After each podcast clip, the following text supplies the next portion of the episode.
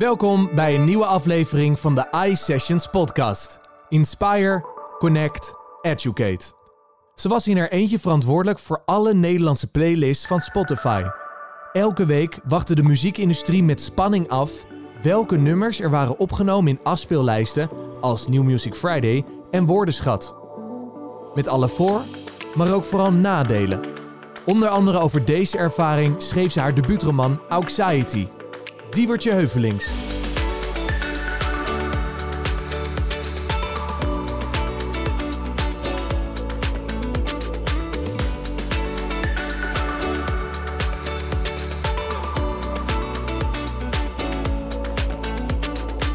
Diewertje, welkom. Dankjewel. Leuk dat je te gast wil zijn. Hoe voelt het om eh, weer even bij in Holland rond te lopen? Ja, het is de eerste keer sinds elf jaar. Dat is wel leuk. Er is niks de veranderd. geur nog hetzelfde? Ja. Zag er nog hetzelfde uit? De hamburger was nog hetzelfde. maar noem je dit de hamburger of is het de appel? Ja, ik, ik noem het altijd kokosnoot. Het is een eindeloze Ah, discussie. Ja, het is een receptie en het lijkt op een hamburger kokosnoot. Dat maakt niet uit. Leuk dat je er bent. In mei 2020, net voor de zomer, plaats je een foto. Toen je Mhm. 11 jaar was, een jeugdfoto. En je gaf een heel mooi advies aan jezelf. Ik lees hem even voor. Later zul je ontdekken dat het allemaal één pad is. Dat het niet de richting is die van belang is, maar de timing van je stappen. Waarom dit advies aan je 11-jarige zelf? Ik denk dat ik een paar keer in mijn leven echt keuzes heb moeten maken die vrij levensveranderend zou zijn. Bijvoorbeeld, ga ik eh, wel naar New York of ga ik niet naar New York? Eh, ga ik bij Spotify werken? Ga ik niet bij Spotify werken? Klinkt echt alsof ik verder geen leven heb dan werk. Nou, bij deze. En eh, toen dacht ik, ik was altijd heel bang dat ik de verkeerde keuze zou maken. Ik was altijd heel bang dat als ik dan dat wel zou gaan doen, dat ik dan ehm, later spijt zou gaan krijgen. Of oh, ik heb wel oudere mensen in mijn omgeving die echt wel terugdenken, vooral aan deze leeftijd waar ik nu zit. Ik ben 31. Die achteraf denken, oeh, dat had ik misschien niet zo moeten doen.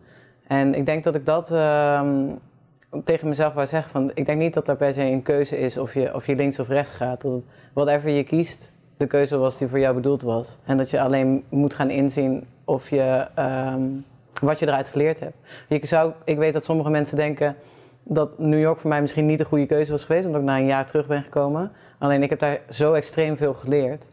Ook omdat ik eh, op zo'n jonge leeftijd al zoiets heb mogen ervaren en eh, op zo'n niveau heb mogen meespelen.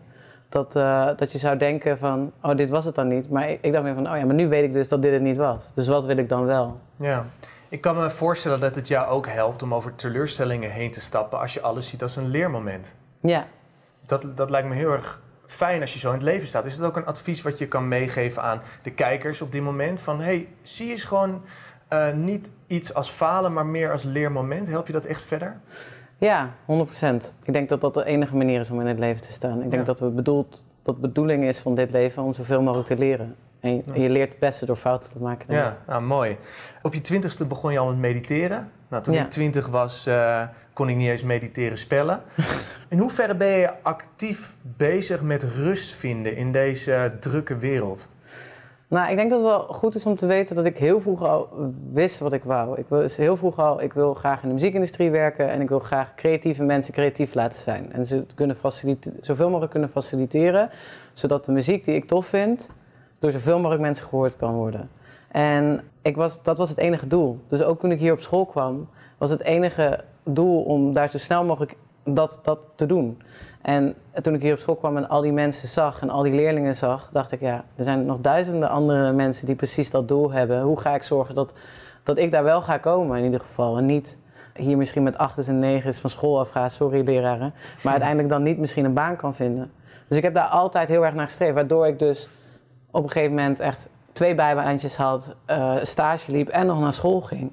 En dan merk je gewoon dat je wel echt jezelf rustig moet houden, want anders ben je al op je twintigste overspannen. Ja. En dat was niet echt mijn bedoeling. Nee. En, en mediteren is een mooie tool om, om door zo'n drukke periode heen te komen. Het gaat me niet per se om dat, om dat mediteren, maar meer dat je op die jonge leeftijd al zo nadenkt van hoe kan ik mijn leven nou zo inrichten dat ik er doorheen kom en dat ik kan groeien. Ja, Ik vind dat best bijzonder voor een 20-jarige. ja. Ja ik, ik deed altijd alsof ik geen tijd had voor niks. ik, moest, ik deed altijd alsof ik maar twintig zou worden of zo. Hoe komt dat? Komt dat door je opvoeding of zit het gewoon echt in je? Ja, ik denk dat het gewoon ambitie is.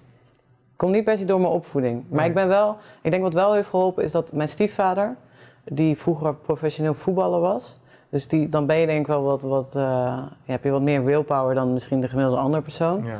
Uh, die heeft mij op mijn 15 een boek gegeven van Stephen Covey, uh, De zeven eigenschappen die jou succesvol maken. En ik denk dat als je dat leest op zo'n jonge leeftijd, dat je dan wel wat doelgerichter ja. aan het werk gaat. Dus dat heeft me denk ik wel heel erg beïnvloed. Ja, sowieso echt een goede boekentip om mee te geven aan, aan de kijker. De Volkskrant die schreef als kop...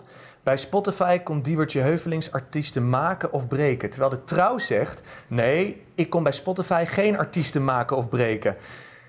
Hoe groot was nou jouw invloed op de Nederlandse muziekscene en industrie? Ja, dat is gewoon vrij irritant wat de media doet. Want uiteindelijk gaat, kiest wat ik probeerde te zeggen tegen de trouw, en wat ik ook tegen trouw zei, is dit is wat de media doet. Ze, ze weten dat Spotify verkoopt, dat de naam Spotify verkoopt, omdat ze daarom dat ook in de titel zetten.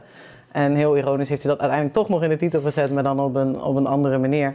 Maar wat ik probeerde te zeggen is, het, zijn de, het is het publiek wat, wat het nummer populair maakt of niet. En mijn, mijn werk bij Spotify als playlist editor was simpelweg luisteren naar wat het publiek wou. Dus als het publiek graag deze artiest in deze playlist wou horen, dan kon ik dat aan de data zien. Dus ik kon alleen maar die, die artiest die kans geven om in die playlist te zetten. En daarna moest ik naar de data luisteren. Dus als ik die artiest die kans had gegeven, om, eh, of die kans had gegeven dat hij in die playlist zat, maar het, het, publiek zei dat ze het niks vonden, dan had ik, kan ik op mijn hoofd staan wat ik, wat ik wou. Maar ja. En dan terugkomend op die kop, maar ook mijn vraag: hoe groot, hoe groot was jouw invloed op dat moment? Dat je, dat je het een kans kon geven. Hmm. Maar uiteindelijk was het publiek was degene die zei: dit is een hit of dit is geen hit. Ja. En daar luister je naar. We gaan het uh, vooral in dit interview hebben over jouw boek Anxiety. Het verhaal draait om drie personages in, uh, in het boek. Amir, Isaiah en Wietske. Amir is een hiphopartiest. Isaiah die begeleidt rappers bij een platenlabel. En Wietske die maakt uh, de Nederlandse playlist van s werelds grootste streamingdienst. Het is een roman, maar het heeft toch wel heel veel weg van een autobiografie, toch? Nee. Nee, helemaal niet. ik geloof daar dus helemaal niks van. Nee, ja, ik wil geen spoilers geven over hoe het verhaal gaat, maar de, de grote lijn in het verhaal is niet waar. Oké. Dus dat is echt geromantiseerd. Ja. Maar als je dan de koppeling maakt naar je eigen leven? Er zijn bepaalde fragmenten in het boek die echt gebeurd zijn, zeker weten, ja. En, de, en er zijn bepaalde gevoelens die Wietke heeft, die ik ook had. Maar ook bepaalde gevoelens die Isaiah heeft, die ik ook had. Hm. Want Isaiah is natuurlijk een ENR. En dat ben ik ook geweest in New York. Dus heel veel van mijn ervaringen in New York zitten ook in het boek verwerkt, maar dan voor ja. Isaiah. En als we dan zo'n verhaal eruit pakken, in het boek wordt Wietske bedreigd door artiesten die geen plek krijgen in een bepaalde playlist. Dit heb jij ook meegemaakt. Mhm. kun, je, kun je eens een voorbeeld geven hoe die bedreigingen eruit zagen? Artiesten die boos waren dat ze niet in de playlist zaten. Ja. Dat waren tweets en Instagram en DM's. En hoe ga je daarmee om dan? Ja, op dat moment was dat, was dat heel lastig voor mij. Omdat ik, ik wou graag zo goed mogelijk mijn werk doen. En zoveel mogelijk artiesten helpen. Maar mhm. tegelijkertijd was mijn doel wel het publiek blij maken met de playlist. Want als die playlist niet geluisterd werd door het publiek, dan had de artiesten ook niks aan om in die playlist te komen. Mhm. Dus ik was eigenlijk alleen maar bezig met uh, ja, artiesten wel een kans geven, maar daarna dus luisteren naar het publiek. Maar artiesten, sommige artiesten willen daar, dat niet horen. Die, die, die zien helaas overal beren op de weg. En, uh, en die zagen mij als een hele grote beer. Ja. En op welke manier heeft, hebben die bedreigingen jouw werk, maar misschien ook wel jouw leven beïnvloed? Nou, mijn werk was wel, dat heeft wel veel van mijn plezier weggenomen op een gegeven moment, ja. Omdat, uh, um, ja, wat ik net zei, dat lijkt alsof je geen leven hebt. Dat had ik in die tijd ook echt niet. Nee. Ik was echt 24-7 bezig met muziek. Dus ook als ik niet aan het werk was, dan was ik ergens in de studio te vinden om naar een nieuw album te luisteren of op een release party of ergens op een evenement waar iemand op moest treden dat ik graag wou zien. Weet je, als, als Drake bijvoorbeeld in Nederland kwam, dan wou ik daarheen en dan vond ik ook dat ik daarheen moest, omdat ik wil ook zien wat voor mensen daar precies waren, wat de DJ van tevoren draaide en hoe dat dan werkt met bijvoorbeeld wat het Nederlandse voorprogramma deed en hoe mensen daarop reageerden, ook, zodat ik dat ook weer kon verwerken in playlist. En natuurlijk is dat heel erg leuk om naar een Drake show te gaan. Dat is natuurlijk helemaal te gek. Maar als je vier, vijf keer per week naar een show gaat, dan, dan wordt het op, op een gegeven moment ook best wel intens. En als je dan eigenlijk alles geeft wat je hebt aan je werk zo goed mogelijk doen. En dan mensen zo boos krijgt dat ze je, ja, dat ze je iets aan willen doen. Dan ga je wel even afvragen waarom je het eigenlijk aan het doen bent. En hoe verwerk je dat dan? Je krijgt zo'n bedreiging binnen waarvan je echt denkt van fuck, ja, wat moet ik nu doen? En dan, wat, wat, wat, wat deed Diewertje toen? Mediteren. nee, eerlijk. Meditatie. Nee, eerlijk. Ik heb Alles. geschreven. Dat is hoe het boek begonnen Ja, is. ja. Ik heb heel lang nagedacht van, oké, heb ik iets verkeerd gedaan? Heb ik ergens een steek laten vallen waardoor iemand zo boos op mij is? Mhm. En, en toen dacht ik, ik begrijp het niet of ik, ik volg niet waarom iemand zo boos op me is. En toen dacht ik, als ik mezelf ga verplaatsen in die ander, in die persoon die zo boos op mij is, Amir, dus fictieve persoon in dit boek, dan kan ik misschien beter begrijpen waarom iemand zo, zijn hoofd zo heet kan worden, dat hij dus een random persoon die hij nog nooit ontmoet heeft, gaat bedreigen. Hm. En ehm, dat is hoe ik Anxiety ben begonnen. Ja. Maar toen kreeg ik die baan in Amerika aangeboden en toen heb ik het eigenlijk naast me neergelegd. Want dat was voor mij meer als therapie. Als ik mezelf kan verplaatsen in iemand, want dat deed ik natuurlijk met mijn playlist. Ik verplaatste me altijd in de luisteraar. Ik verplaatste me altijd in voor wie die playlist bedoeld was. Als ik mezelf kon verplaatsen in, de, in, de, in Amir, dan kon ik misschien beter begrijpen waarom Amir dus zo boos was. ja. En Amir is wel echt mijn lievelingskarakter geworden. Oh ja? Ja, Waarom dan? ik vond hem heel leuk. Ja, ik weet niet, ik vond hem, ik vond hem heel... Ik snap wel waarom hij zo, eh, zo boos was. Ik snap waarom, als jij je hele leven niks anders wilt dan, dan een bekende rapper worden... en iedereen zegt tegen je dat er één persoon daar verantwoordelijk voor is... en dat niet zo is, maar iedereen zegt dat tegen je... ja, dan snap ik wel dat je denkt van ja, dit staat tussen mij en mijn doel. Eh, maar ik ben keurig niet goed, tuurlijk niet. Ik heb, daar, ik heb daar best wel veel last van gehad. Alleen, het was voor mij wel een hele goede oefening om in zijn schoenen te staan. Ja. Je geeft net aan dat het boek ook een soort therapie voor je was. Heeft het geholpen? Zeker, Ja? ja zeker. Welk vlak? Nou, wat ik zeg, dat ik opeens Amir eh, leuk ben gaan vinden Ja, ja. en ben gaan waarderen. Mhm. En ook, ehm, er is een serie, en dat is mijn aller, allerfavoriete serie ooit gemaakt. En die heet ehm, I May Destroy You. En dat gaat over een, eh, dat is een Engelse, Engelse vrouw die dat gemaakt heeft. En dat gaat over een vrouw die iets heel traumatisch meemaakt. En die direct real-time daar een serie over gaat maken. En ik vind dat de allerbeste manier om met, met, met pijn of met verdriet of met teleurstelling of trauma om te gaan. Door daar meteen iets creatiefs uit te halen en meteen te kijken hoe je daar misschien andere mensen mee kan helpen. En toen ik het boek, toen ik in die situatie zat, toen dacht ik, ik wil heel graag, ik heb heel erg hulp nodig. In de zin van, mijn hele leven haalde ik, haalde ik inspiratie en, en, en steun uit boeken. Covey heeft mij bijvoorbeeld al op mijn 15 jaar geholpen. Ja. Maar in dit verhaal kon ik, wist ik niemand die dit mee kon maken. ik, had geen, ik had geen voorbeeld van iemand die eerder playlisten maakte en die dit, had, die dit was overkomen. En Toni Morrison, die een van mijn favoriete schrijfsters is, die eh, had geschreven: If there's a book that you want to read and it hasn't been written yet, then you must write it. Dus toen dacht ik, nou dan schrijf ik het dus zelf, want dat helpt mij zelf ook. Dus het heeft mij, mij enorm geholpen. En achteraf eh, heb ik heel veel berichten gekregen van vrij veel mensen, of in de muziekindustrie als business of artiesten, of gewoon mensen die ehm, heel veel van muziek houden, dat ze er echt iets aan gehad hebben. En dat, dat doet me wel echt goed. Dat is mijn eh, teleurstelling en, en frustratie en de moeite die ik had met die situatie. Dus dat ik dat iets om heb kunnen zetten en iets waar ik zelf blij mee ben, maar waar ik andere mensen ook mee heb kunnen helpen. Ja, inderdaad. In 2018 ben je begonnen bij eh, de platenmaatschappij Arista Records. Mhm. Eh, in Amerika dus. En eh, toch is dit niet helemaal geworden wat je ervan had verwacht, toch? Als we even helemaal naar het begin gaan. je werd gevraagd voor die job. Wat was de reden dat je het uiteindelijk ging doen? En dan komen we zo meteen op, eh, op, die, op die verwachting of die wel of niet is uitgekomen. Nou, ik heb dus nooit een eh, fascinatie gehad met Amerika. Wat heel veel mensen hebben, vooral als ze in de muziekindustrie werken, dat ze graag naar New York zouden willen of naar LA. Dat heb ik nooit gehad. Mhm. Misschien was het omdat ik niet groot genoeg droomde. Maar ik, heb, ik weet nog dat, dat ik werkte toen met vrij veel Amerikanen bij Spotify. En dat, dat ze me dat wel eens vroegen van, hey, zou je het niet leuk vinden? Niet dat die, die baan aangeboden is geweest, maar gewoon collega's die zeiden van, hey, waarom kom je niet een keer hierheen? En dat ik altijd zoiets had van, ja, met Trump zeker, ja dag. Dat ga ik echt niet doen. En ehm, toen gebeurde alles wat er gebeurde bij Spotify. Het was ook, ik deed het natuurlijk al 3,5 jaar. Dat klinkt niet zo lang, maar dat is vrij intens als je dus dat je hele leven is. En op een gegeven moment is heb je het ook wel gedaan. Op een gegeven moment, weet je, woordenschat was heel groot geworden. De playlists in general waren heel groot geworden. Ik had ook wel zoiets van, oké, ik weet wel een beetje hoe het werkt nu. Ik weet niet hoeveel ik hier nog in kan groeien daarin. Mhm. En toen mij die baan aangeboden werd, dacht ik... Oké, Arista Records is het, is het label waar Jill Scott Heron op zat... waar Outkast op zat, waar Whitney Houston, TLC... Het was voor mij een heel legendarisch label. En ik mocht A&R zijn, dus ik mocht dichter bij de creatie zijn. Ik mocht dichter bij ja, het, het creatieve gedeelte van het werk zijn. En dat vond ik het allerleukst. Ja. Want dat merkte ik ook heel erg in mijn rol bij Spotify. Dat ik heel vaak meningen had die ik niet deelde, maar die ik wel in mezelf had. Oh ja, ik had, ik had het refrein op deze manier gedaan. Of ik had dit artwork nooit zo gekozen. Of ik had eh, dit nummer als single gekozen of wat dan ook. Toen dacht ik van ja, misschien moet ik dan veel dichter bij dat creatieve proces zijn dan dat ik nu ben. Dus dat heb ik geprobeerd. Je ging daar werken. Mm. En eh, ja, het was niet helemaal wat je had verwacht, toch? Nee. Waarom niet?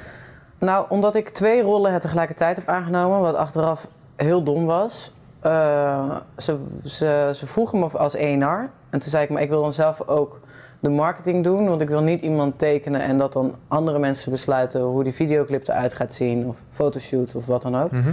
En dat is gewoon echt idioot. Dat is gewoon niet te doen met één persoon. Dus dat is heel koppig eigenlijk van me. Maar ja, dat was ook uit een onwetendheid daarin. Ja. En dus die werkdruk was extreem hoog vanaf het begin. En ehm, het, ik zat daar ook met een naïviteit in dat uh, ehm, een soort van purist die ik ben, of ik kan soms wel zeggen snobist die ik daarin ben.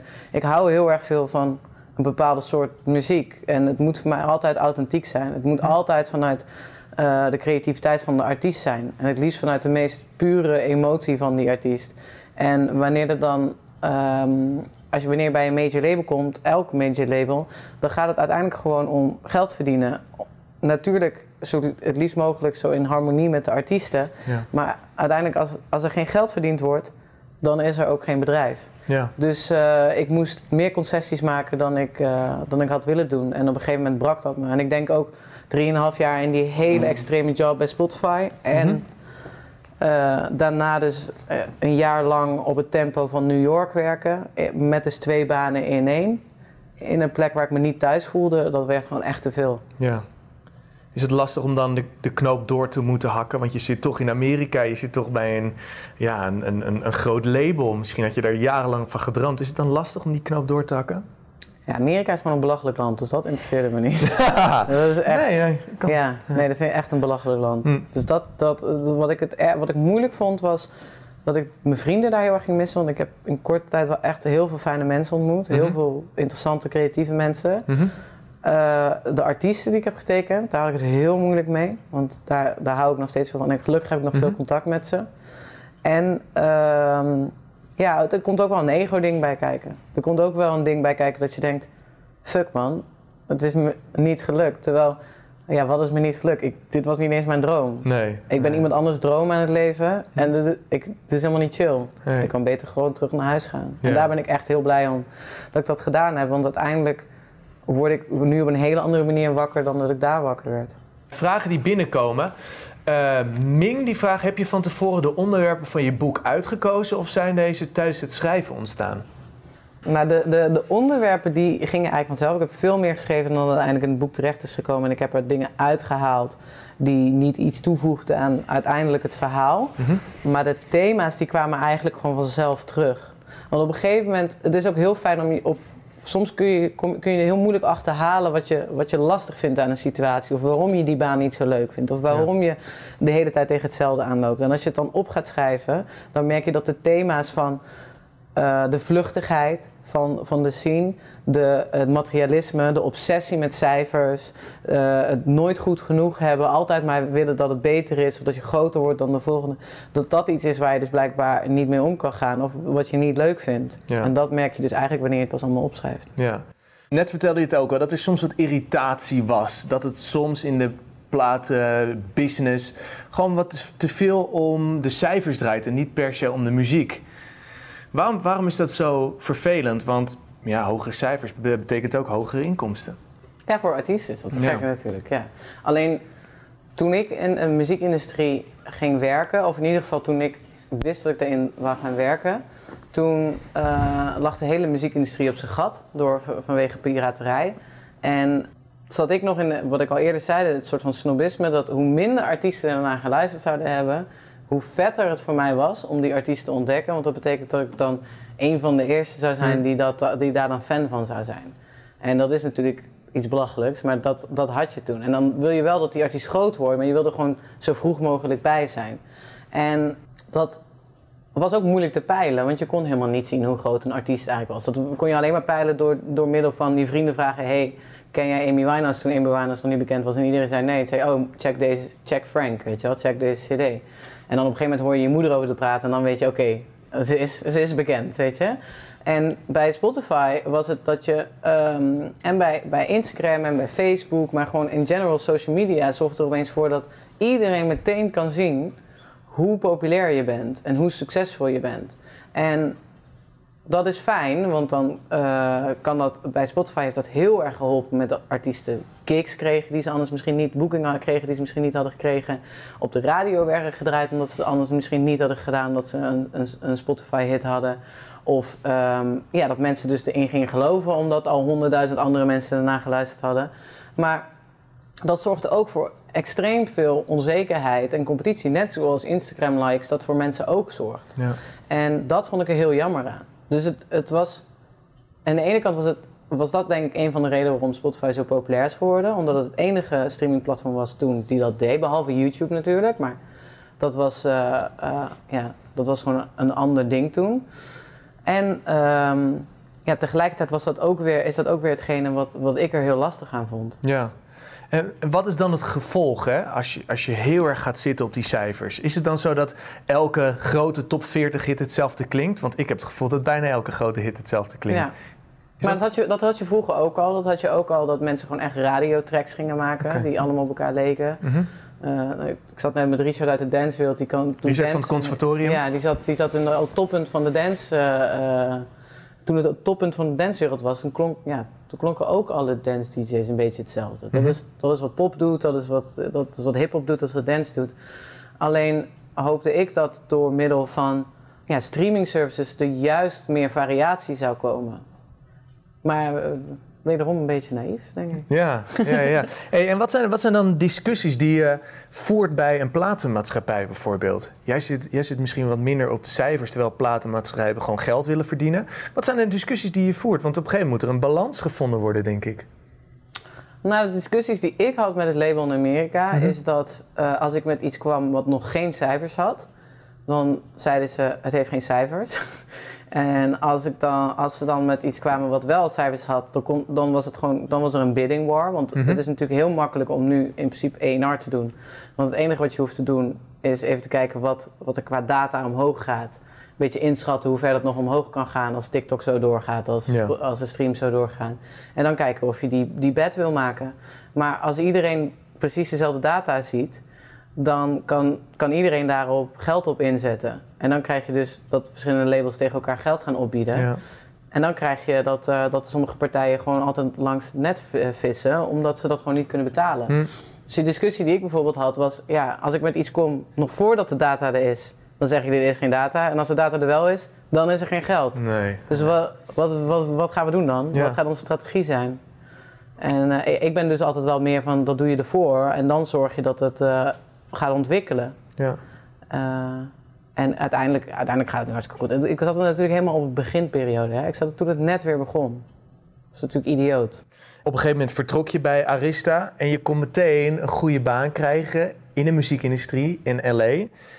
Uiteindelijk heb je er niet voor gekozen. Ik heb eigenlijk eerst research gedaan, hè? Ja, hey, wat dacht je? Wat dacht je zelf? Waarom niet? Waarom, waarom ging je daar niet voor? Uh, ik wou niet naar LA. En ik wou die baan alleen doen als ik het op mijn manier kon doen. En daar, eh, dat heb ik ook heel duidelijk tegen ze gezegd. ik heb ze uitgelegd hoe ik die baan wou, wou, uh, wou vervullen. En toen zeiden ze, nou ja, eh, dat was vrij onredelijk in die functie. Oh ja? Dat weet ik ook wel. Dus ik denk dat ik ook wel een beetje... Wat, wat, voor functie was het? Ja, dat kan ik niet zeggen. Waarom niet? Ja, daar heb ik een NDA voor getekend. Hm. Ik zit te denken, wat kan ik nu voor vraag stellen? nou, dat gaat niet lukken. Maar uiteindelijk heb je het dus niet gedaan en um, toen ging je weer naar Nederland. Nee, ik ben niet. Uh, dit is allemaal. Ik was al in Nederland. Oh, je was al ik was in Nederland. Ik was al mijn boek aan het schrijven. Ik had mijn publishingcontract al getekend. En toen kwam die vraag. Ja. En toen heb ik even getwijfeld. Van, zou ik gewoon even, even snel het boek afschrijven en dan daarin gaan? En toen heb ik toch besloten dat dat het niet was. Ja. En achteraf ben ik daar hartstikke blij mee, want dan zat ik gewoon mid-corona in LA. Ja. Had ik niet aan moeten denken. Nee, inderdaad. Julienne die zegt: op, op basis van welke kennis voegde je artiesten toe in bepaalde playlist? Uh, op kennis van de playlist. Ja, dus je haalt Dus- de data eruit en daarop maak je een keuze. Ja, dus nou ja, eh, je begint de playlist met een hypothese. Dus je bedenkt waar is de playlist voor. Dus jullie zouden waarschijnlijk in een, in een kroegplaylist zijn te ko- komen. Jullie zouden niet in een hiphop playlist terecht zijn gekomen. Dus op basis daarvan. En ehm, op basis van ook de kennis van of je denkt dat het muzikaal past. En ook of, of het goed genoeg is. En dat is natuurlijk een super subjectieve vraag. Ja. Die je baseert op ehm, je gehoor. Omdat je eh, al jaren op die manier naar muziek aan het luisteren bent. Voordat ik bij Spotify begon, eh, zocht ik muziek uit voor reclames. Dus was ik ook vier jaar lang bezig met eigenlijk ja, zeven uur per week non-stop naar muziek luisteren. Mhm. Dus op een gegeven moment krijg je wel een oor voor wat wel werkt en wat niet werkt. Ehm, en eh, op basis van de intuïtie. Ja.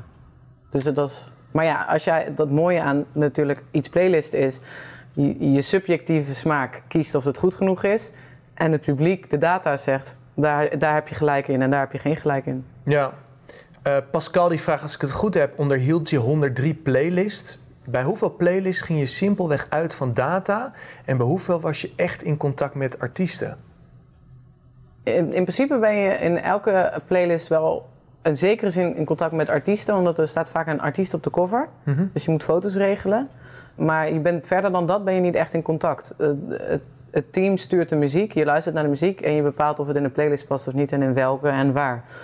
Nogmaals, die data wordt gebaseerd op nadat het erin staat. Ja. Maar verder ben je niet in contact met artiesten. Nee. Dus eigenlijk volledig op data. En Ja. dus je subjectieve smaak. Ja, totdat het dus ontkend of onderbouwd wordt. ja. Jij bent eh, afgestudeerd bij in Holland aan de opleiding Media en Entertainment Management. Tegenwoordig heet het Creative Business. Was jij in die periode dat je hier studeerde al een uitblinker? Nee? Mm, niet qua cijfers. Nee, ik was wel echt. Ik weet nog dat ik er wel echt leerlingen in de klas had die zoiets hadden van: ik ga cum laude van de mem afstuderen. Toen dacht ik: why? Ja. Waarom? Ja. Ehm, eh, maar wel in dat ik, eh, dus toen ik hier op school kwam, al die leerlingen zag. En toen ben ik de week nadat ik begonnen ben. Dus ik kwam fresh out of Venlo naar Amsterdam verhuizen om in Haarlem te studeren. Ik had de eerste introweek, de memtro. ja. En toen dat ik daarvan bijgekomen was, als je de week gewoon op school, zag ik al die leerlingen. En in de tweede week ben ik naar eh, Apple Tree Records gegaan. Dat was een label van Nalde, die later WeTransfer op heeft gezet. En eh, van de jongens van Appelsap, van Rogier en Wieger. En eh, ik was fan van wat zij deden. Ik vond hun muziek goed en ik vond hun heel inspirerend. En ik ben daar naar binnen gegaan en ik heb gezegd, ik heb elke maandag vrij. Want ik had dan geen les ingepland. En ik heb een laptop en ik wil graag leren, dus kan ik jullie ergens mee helpen? En toen zei ze, ja is goed, kom elke maandag maar hier zitten en doe maar wat wij willen dat je doet. En, dan heb ik, en toen moest ik itineraries maken voordat ik wist hoe je itineraries schreef. Dus dat schreef ik dan al een keer verkeerd. ja. En zo heb ik mezelf echt gewoon een beetje in de diepe gegooid. Dus waarin ik een uitblinker was, is dat ik bijvoorbeeld geen rookie heb hoeven doen. Dat heet nu dan, hoorde ik net, hoe heette dat nou? Wat is het ook weer? Creative Creative Agency. Agency. Dat is dan het, in het tweede jaar de stage, de op school stage van een half jaar. Omdat ik eigenlijk al stage gelopen had. Ah. Dus ik ben ook binnen 3,5 jaar afgestudeerd.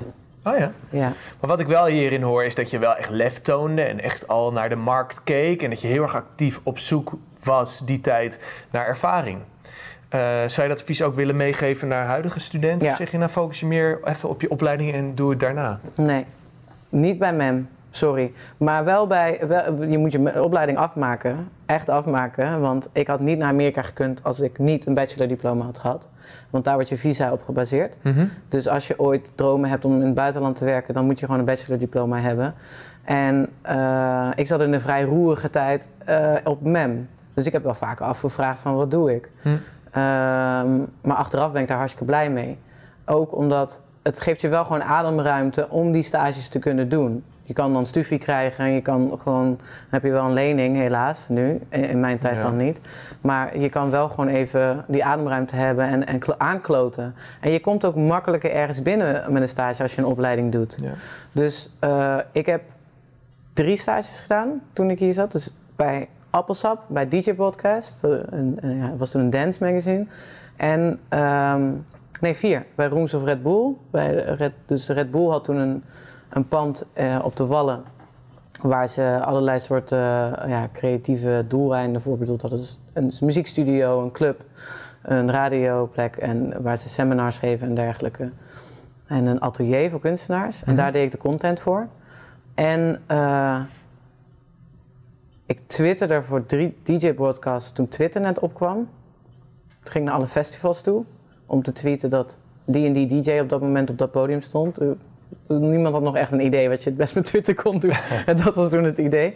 En eh, toen bij Massive Music, waar ik later die baan heb gekregen als sync-agent. Ja. Dus ehm, al, die, al die dingen die ik gedaan heb, die hebben mij ten eerste een enorm netwerk gegeven, al vanaf heel jongs af aan.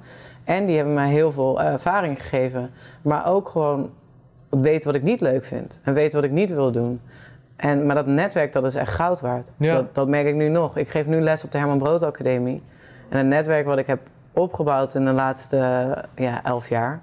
dat helpt mij nu ook met de lessen die ik kan geven... en de ervaring die ik heb opgebouwd... maar ook dus de mensen die ik kan betrekken in die lessen. Als ik jou zo hoor hè, en ik, ik, ik probeer het te vergelijken met mijn eigen situatie, was jij in, die tijd zoveel verder? Je dacht zo goed na over welke stappen je kon nemen om uiteindelijk op de posities terecht te komen waar je uiteindelijk ook terecht bent gekomen. Dus eh, wat maakt Diewertje Heuveling zo goed? Hoe kan, hoe kan het zo zijn dat jij op je eh, midden in midden twintig terechtkomt bij Spotify in, in hetzelfde leeftijd als ik, eh, ik was in Amerika kon werken? Wat maakt jou zo goed voor, voor deze markt? En ik weet dat het misschien een beetje een, gênante vraag is, maar ik ben gewoon zo nieuwsgierig. Eh, ehm, ehm, laat ik eerst zeggen dat jij zei van de banen die ik wou hebben. Spotify die het bestond nog niet eens toen, wij, toen ik hier studeerde. Het, eh, dat is denk ik ook wat wel handig is om te zeggen is... Misschien ga je wel een droombaan krijgen die nog helemaal niet bestaat op dit moment. Mhm. Misschien moet die nog ontwikkeld worden. Misschien moet je die zelf ontwikkelen. Het gaat er gewoon meer om dat ik gewoon heel goed wist wat ik wou. Dat maakt niet zo uit in welke hoedanigheid. Ik wou gewoon heel graag ehm, artiesten helpen muziek te maken. Op wat voor manier dan ook. Dat hadden ook boekingen kunnen zijn. Dat hadden Ja. ook eh, management kunnen zijn of wat dan ook. Alleen, eh, ik, op deze, ik ben er op deze manier ingerold. Ja, En, eh, maar dan weet je wat je wil. ja, maar achteraf, kijk, achteraf. Ik ben nu, dert, eh, op een gegeven moment zat ik dus, was ik 30 en zat ik in New York, toch? En toen dacht ik, oh, ik ben nu op dit level aan het spelen. Ik ben nu, ik kom nu Pharrell Williams tegen in de lift als ik eh, naar werk toe ga. Of ik ben nu J- Jermaine Dupri heb ik Tja. afspraken mee, weet je. En ik vind het niet leuk. Dus dat klinkt leuk. Ja. Het was natuurlijk wel leuk om Pharrell Williams tegen te komen, maar ik had geen make-up op, dus dat was ook heel irritant. Enige dag in het jaar dat ik geen make-up op had daar. Ja. Maar het was ook wel dat ik dacht. Dit klinkt allemaal leuk. Op papier is dit, weet je, ik, ik snap dat je die vraag stelt. Maar uiteindelijk, ik vond het niet leuk. Ik Mm. werd er niet gelukkig van. En dat is niet uit een, uit een verwendheid of een- uit een, snobisme. Maar dat was meer uit een, waar gaat het uiteindelijk echt om? Waar word je echt gelukkig van? En dat is niet flexen. Dat is niet laten zien van, oh, kijk mij hier zijn of kijk mij daar zijn. Of kijk mij zoveel geld verdienen. Dat is dichter bij het doel zijn. Ik wil creatieve mensen muziek willen laten maken. En, en mooie muziek de wereld inbrengen. Ja. En ehm, toen ik dus ging twijfelen aan dat doel in Amerika, toen dacht ik, wat, misschien wil ik wel zelf ook creatief zijn. Misschien heb ik dat wel gewoon nooit gedurfd. Ja. En toen dacht ik, ja, wat heb ik te verliezen? Ik, heb al, dit is, ik weet dat ik dit niet wil, ik heb dit bereikt en ik weet dat ik dit niet wil. Dus ik hoef daar niet meer, dat doel hoef ik verder niet meer te halen, Nee. want dat heb ik al gehaald. En daar heb ik natuurlijk gewoon heel veel geluk mee gehad Ja. vooral. Want het kan ook zijn dat ik 60 was en dat had moeten Ja. beseffen. Mooi. Mooi waardevolle les op relatief vroege leeftijd. Ja, maar ik ga er waarschijnlijk nog één krijgen op mijn 40 en nog één Ongetwijfeld. Nou ja, het 50ste. zou ook raar zijn als je dat niet, eh, als je dat niet krijgt natuurlijk. Ik eh, wil je bedanken.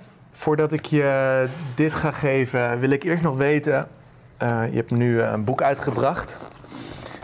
Waar sta jij over nou ja, drie jaar? Wat denk je wat je aan het doen bent dan? Over drie jaar heb ik, ben ik of bezig met mijn tweede boek of heb ik die geschreven. En heb ik hopelijk ook geschreven voor andere soorten, andere soorten media-achtige vormen. En eh, is mijn po- podcast Auksvaart heel succesvol. En heb ik hopelijk wat meer van de wereld gezien op een klimaatvriendelijke manier. Eh, leuke vraag die nog binnenkomt van, uh, van Jorien. Die wil ik toch maar even meepakken. Hoeveel nieuwe banen denk je dat je aangeboden krijgt na dit interview? ik denk het niet. Ik denk dat ze in Nederland wel weten dat ik niet meer Oké, oké, heel goed. Onwijs bedankt. Uh, elke spreker bij de ICE Sessions krijgt een oorkonde. En deze is voor jou. Ik ben benieuwd waar die terecht gaat komen. nou ja, in mijn huis denk ik dan, hè? Waar vervolgens het huiskamerconcert komt. Oh ja, nou, dat, wordt, dat wordt een succes. Bedankt voor het luisteren naar deze aflevering van de iSessions podcast met Diewertje Heuvelings. Vond je deze aflevering tof? Vergeet dan niet te abonneren en wil je meer informatie over de iSessions? Check dan startupcampushaarlem.nl.